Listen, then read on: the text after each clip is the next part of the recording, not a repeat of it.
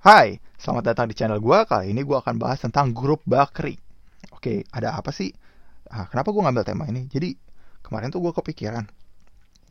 Ada apa ya sama lapi, lumpur lapindo? Apa kabar lumpur lapindo? Terus gue cek-cek, cari tahu gitu kan.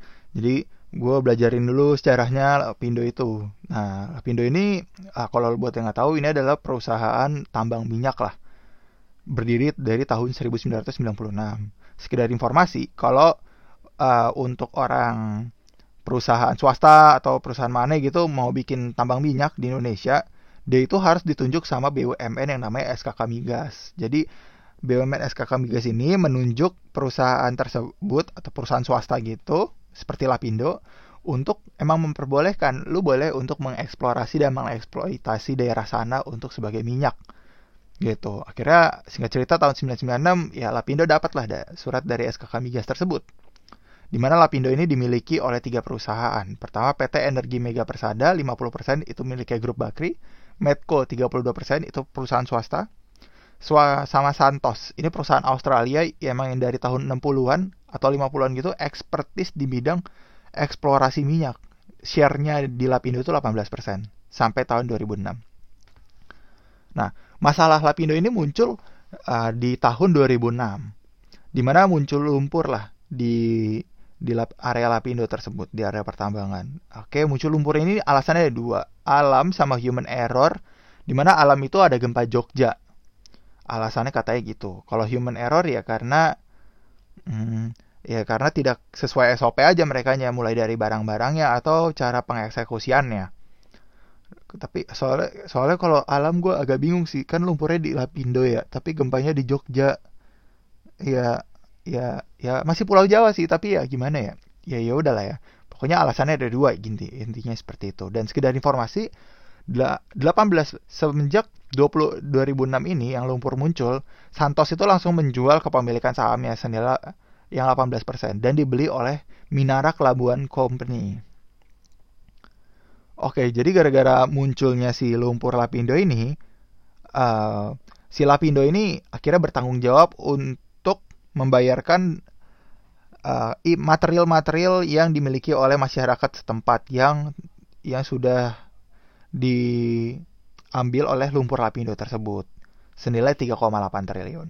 Di mana realisasinya akhirnya si Lapindo ini berhasil bayar 3,08 triliun dari uang perusahaannya sendiri dan 770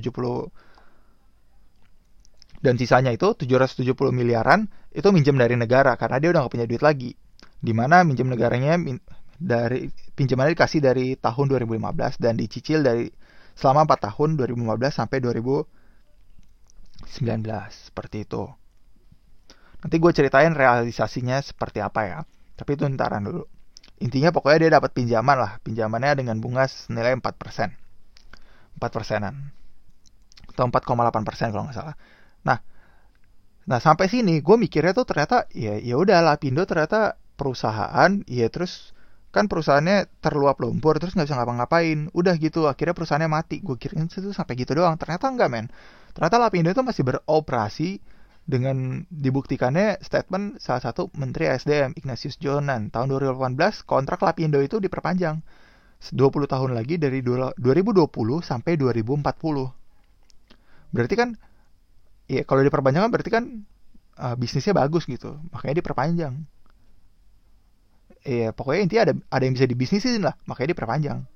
Gua nggak tahu bisnisnya apaan, tapi ya ada yang bisa dibisnisin, makanya diperpanjang. Dan diperpanjangnya kan bisa aja mestinya kalau nggak bagus performanya kan berarti bisa aja Lapindo ini dikasih ke perusahaan yang lain minta SKK migas untuk perpanjangnya ke perusahaan yang lain aja nggak usah ke Lapindo. Tapi kalau ini Lapindo yang dapat dan memang dapat ya berarti kan Lapindo sebenarnya ada memiliki peranan ada performa yang bagus. Tapi gue nggak tahu bagusnya di mana. Apakah bagusnya di di sektor migasnya atau sektor-sektor yang lainnya. Pokoknya intinya Lapindo bagus makanya diperpanjang. Kalau nggak nggak bagus ngapain diperpanjang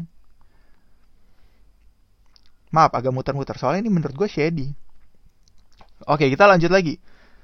Nah, ternyata dari uang cicilan yang dikasih 770 miliar selama 4 tahun, dari 2015 sampai 2019, Lapindo ini baru nyicil senilai 5 miliar doang. Sisanya Lapindo bilang, kan Lapindo ini dikasih pinjaman nih sama negara, uang. Nah, Lapindo baru cicil 5 miliar. Nah, terus bilang, Lapindo bilang ke negara, eh lu kan punya utang sama gue juga. Negara maksudnya. Eh kan Lapindo, eh negara kan punya utang sama Lapindo senilai 1,9 triliun. Ya udah kalau kayak gitu kita selisihin aja. Utang gua diselisihin sama utang elu.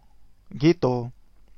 Nah, akhirnya muncul pro kontra di sini di mana negara nggak mengakui utangnya padahal sudah dicek sama BPK sama BPKP ya emang ada utangnya tapi negara tetap kagak mau ya terus dibilang lo ya kalau ya kalau lu nggak mau bayar utang ya bunga lu sama denda lu akan gue jalanin lah pindo gitu katanya. Sampai sekarang itu bunganya se total dendanya sampai 1,5 triliun utangnya si Lapindo di hadapan negara. Ya ya agak aneh sih. Komunikasinya agak nggak jelas menurut gue di sini. Yang satu ngaku punya utang yang satu nggak punya utang. Ya, ya masa sebelum lu ngasih utang lu nggak mikir lu punya utang gitu kan? Aneh. Masa ya aneh aja negara sebelum ngasih ut utang 770 miliar nggak mikir dulu eh emang gue punya utang ya di Lapindo? Apa gue punya utang gak ya? Masa nggak dicek dulu? Gimana sih? Oke kita lanjut aja dulu. Ke ternyata selain dari utang-utangan tersebut ada dana APBN yang kepake karena uh, diketok sama DPR yang kan bisa ngasih yang anggaran kan tuh anggota DPR ya. Di mana tahun 2006 sampai ya tahun 2006 itu anggota D sampai sampai 2017 mayoritas itu uh, ini masih di bawah naungan pertama presidennya Bapak SBY ya yang kedua mayoritas anggota DPR itu dipegang sama Golkar baik termasuk pimpinannya ya dan lu, per, lu perlu ketahui grup Bakri di mana Abu Rizal Bakri yang dipanggil Ical, dia itu adalah ketua umum Golkar. Dan sebelum ketua umum Golkarnya Abu Rizal Bakri itu adalah Yusuf Kala, di mana zaman itu Yusuf Kala itu sebagai wakil presidennya SBY. Oke, gue kasih politiknya dikit, tapi gue mau ngomongin duitnya. Nah, jadi ada uang cair lah APBN ini turun senilai 5 miliar.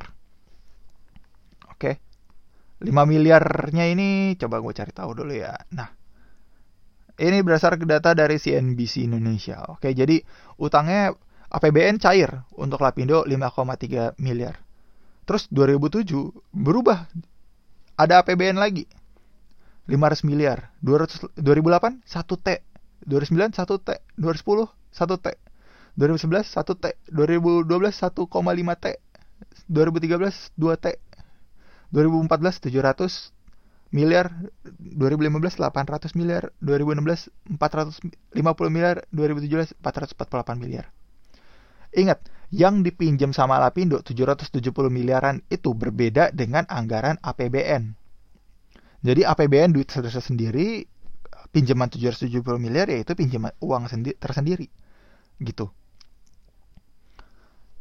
Iya, menurut gue bisnis plannya agak aneh sih. Sebenarnya ini bisnis plannya bukan tambang minyak. Bisnis plannya mencairkan dana APBN.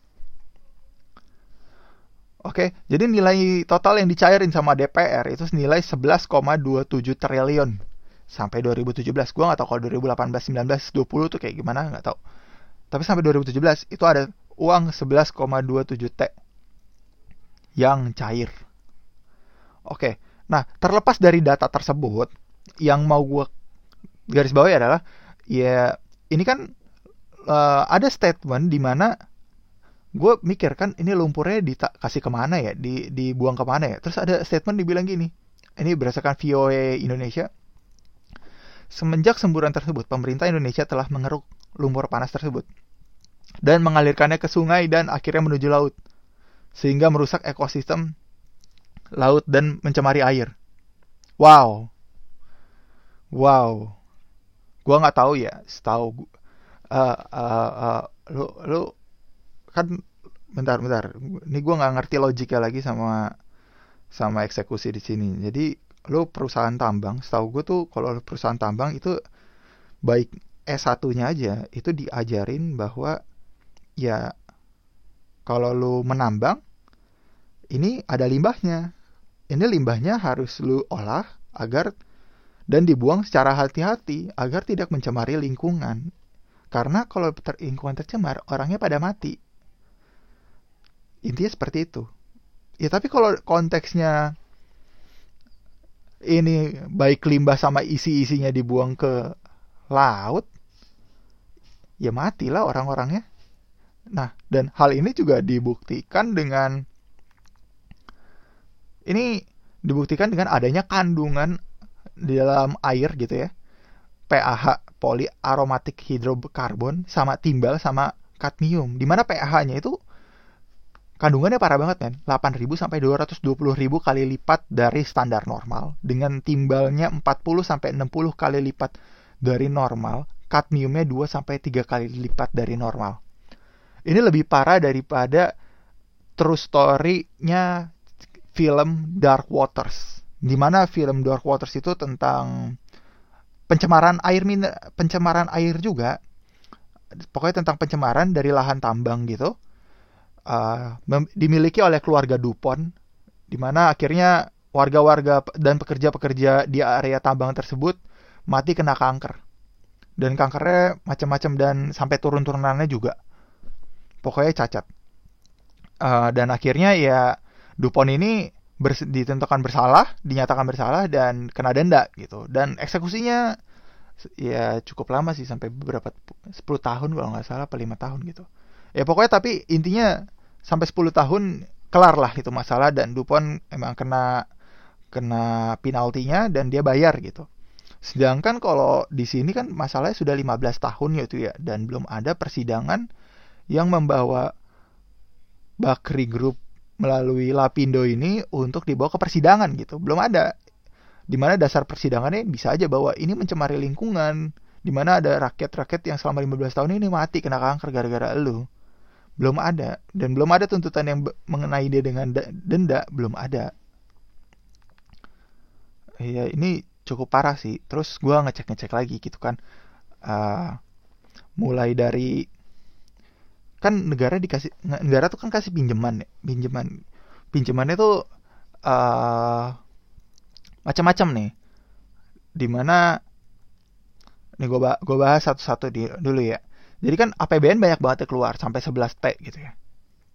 Terus ada yang bilang bahwa anggota fraksi DPR bilang anggota Komisi 11 fraksi Nasdem Joni G Plate mengatakan alokasi dana untuk korban Lapindo sudah dianggarkan sebesar 781 T sifatnya dana pinjaman gitu. Tapi jadi ini ada anggaran cuma buat terus ditanyain gitu anggarannya sama MK MK nanyain angg anggarannya ini anggarannya buat apa? Terus dibilang e, kenapa ha harus ngasih maksud gue kenapa harus ngasih APBN kepada Lapindo? Gitu. Terus jawaban dasarnya setelah ditanyain MK MK yang nanya ini terus jawaban dasarnya tuh gini dana APBN hanya digunakan bagi pihak tertentu yaitu Lapindo Berantas Ing kan sehingga tidak sesuai dengan pasal UUD 45 lah intinya di mana APBN itu digunakan sebesar untuk kemakmuran rakyat.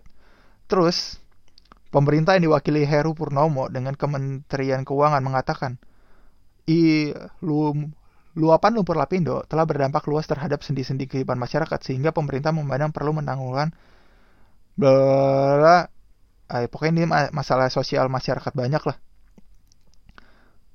Terlepas dari apa yang menjadi penyebab terjadinya semburan tersebut, ya negara harus bertanggung jawab akan hal tersebut intinya. Ya tapi kenapa dikasih ke Lapindo? Gitu. Pertanyaan kenapa nggak langsung kasih ke masyarakat aja? Kalau lu kasih ke Lapindo ya mungkin duitnya masih bisa dibisnisin sama dia. Bisa ya. Karena iya pasal ini men, me, me, me, me, apa ya? Menjudge bahwa ya Lapindo kan juga masyarakat ya ya jadi gue kasih ke Lapindo kayak gitu intinya. Jadi 11 T nya gue kasih ke Lapindo karena Lapindo juga masyarakat gitu. Terlepas masyarakat yang lainnya juga masyarakat gitu. Mantap jiwa. Terus yang menariknya di sini ada buktinya ya BPKP memang sudah ngecek utang negara emang punya utang. Terus yang gue bingung adalah dia cuma dikasih bunga 4,8 persen men per tahun. Lu lu minjam ke kredivo aja bunganya tuh 20 persen per 6 bulan. Ke bank aja bunga eh ke ke mana ya? Ya kayak ke investri atau modalku itu bunganya itu 15% per tahun. Lu pinjam ke bank itu bunganya itu 8% per tahun. Ini lu dapat pinjaman dari negara bunganya cuma 4,8% per tahun. Kan kan murah banget gitu ya terus gue cek ini perusahaan perusahaannya perusahaannya gimana gitu.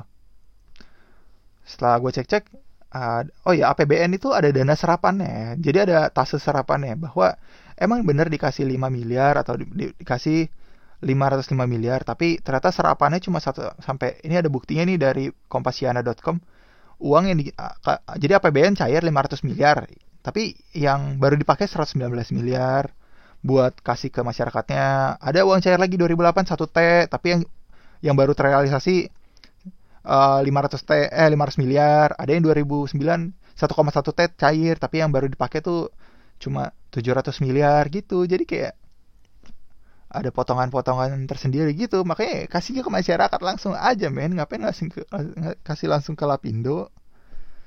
Oke. Nah perusahaan yang punya share 50% dari Lapindo ini namanya energi mega bersada di, di mana ternyata dia perusahaan terbuka TBK jadi lo bisa lihat perusahaan tersebut laporan keuangannya dan chartnya secara di BI atau ya dari trading view juga bisa. Di mana perusahaan NNRG ini membuat perusahaan anak perusahaannya Lapindo Berantas ini tidak diinput kepada uh, kepada data BI tersebut karena di, sudah dianggap pro uh, apa ya uh, tanggungan negara intinya seperti itu. Dan setelah gue cek perusahaan NRG ini dari tahun dia hidup, terus sampai sekarang akhirnya hancur gitu loh kayak, wish naik. Jadi 2006 itu sempat naik sampai 2008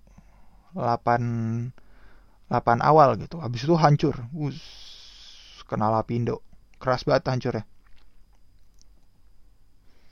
Tapi perusahaannya masih hidup NRG ini dan 2000 gue cuma bisa lihat laporan keuangan yang 2016 dong sampai 2019 yang tahunannya. Gue udah cek-cek 2006 ya kagak ketemu. Di mana utangnya itu senilai 346 juta dolar. Di mana tiga, da, ini soalnya dalam dalam juta dolar. Jadi utangnya itu hampir ya triliunan juga sih utangnya. Terus gue cek lagi gitu kan. Uh, ini Abu Rizal Bakri zaman waktu itu dia itu adalah menteri perekonomian. Dia main Menko gitu lah. Tapi ya Menko-nya Menko-nya itu tahun 2000 tuh zaman SB satu tahun doang. Habis itu uh, Abu Rizal Bakri juga menjadi ketua umumnya. Ini yang buktinya Yusuf Kala 2004 sampai 2009 Abu Rizal Bakri 2009 sampai 2016 dia ketua umum terus Oh gitu. Coba lu lihat deh, Abu Rizal Bakri kan 2019 sampai 2016 ketua umumnya. Terus anggaran yang cair yang paling gede itu emang dari 2009 sampai 2016 ya cukup gede sih. Semenjak Abu Rizal megang jadi ketua umum ya gede banget APBN-nya. Ya kalau sekarang sih yang jadi ketua umum Erlangga Hartarto di mana dia jadi menteri perekonomian sekarang. Gitu. Gue nggak tahu ada polanya atau gimana? Kenapa kalau Golkar itu masuknya ke megang menteri perekonomian? Soalnya Abu Rizal Bakri megang Menko sempat. Erlangga juga sekarang sempat ngambil Menko gitu. Jadi Menko sekarang. Ya ini udah berapa menit ya sekian. Ya jadi gue rangkum ya, ya intinya kalau perusahaan besar itu ketika dia sudah mengalami kehancuran ya udah tinggal kasih ke negara aja sampahnya biar biar negara yang ngehandle. Tapi yang gue bingung adalah kenapa Lapindo perusahaannya masih diperpanjang gitu. Apakah karena biar APBN cair terus atau gimana karena Iya, kalau jelek ya dimatiin aja ditutup terus emang murni jadi tanggungan negara. Kalau kayak gini kan jatuhnya setengah-setengah gitu. Punya negara juga enggak, tapi yang bayar negara, tapi itu punyanya si Lapindo perusahaan swasta. Agak nggak jelas. Gitu. Ya, itu aja sih dan ingat ini ada pencemaran lingkungannya jadi sampai mungkin sampai 30 tahun kemudian lagi ya rakyat-rakyatnya masih kena kanker daerah-daerah sana. Jadi ya ya kalau kalau tinggal sana daftar asuransi aja deh biar kalau kena kanker soal dijamin sama itu asuransi swasta. Soalnya belum ada statement dari negara untuk menjamin orang yang kena kanker gara-gara lapindo itu di cover sama negara. Belum ada. Gitu aja. Stay safe bro. Dadah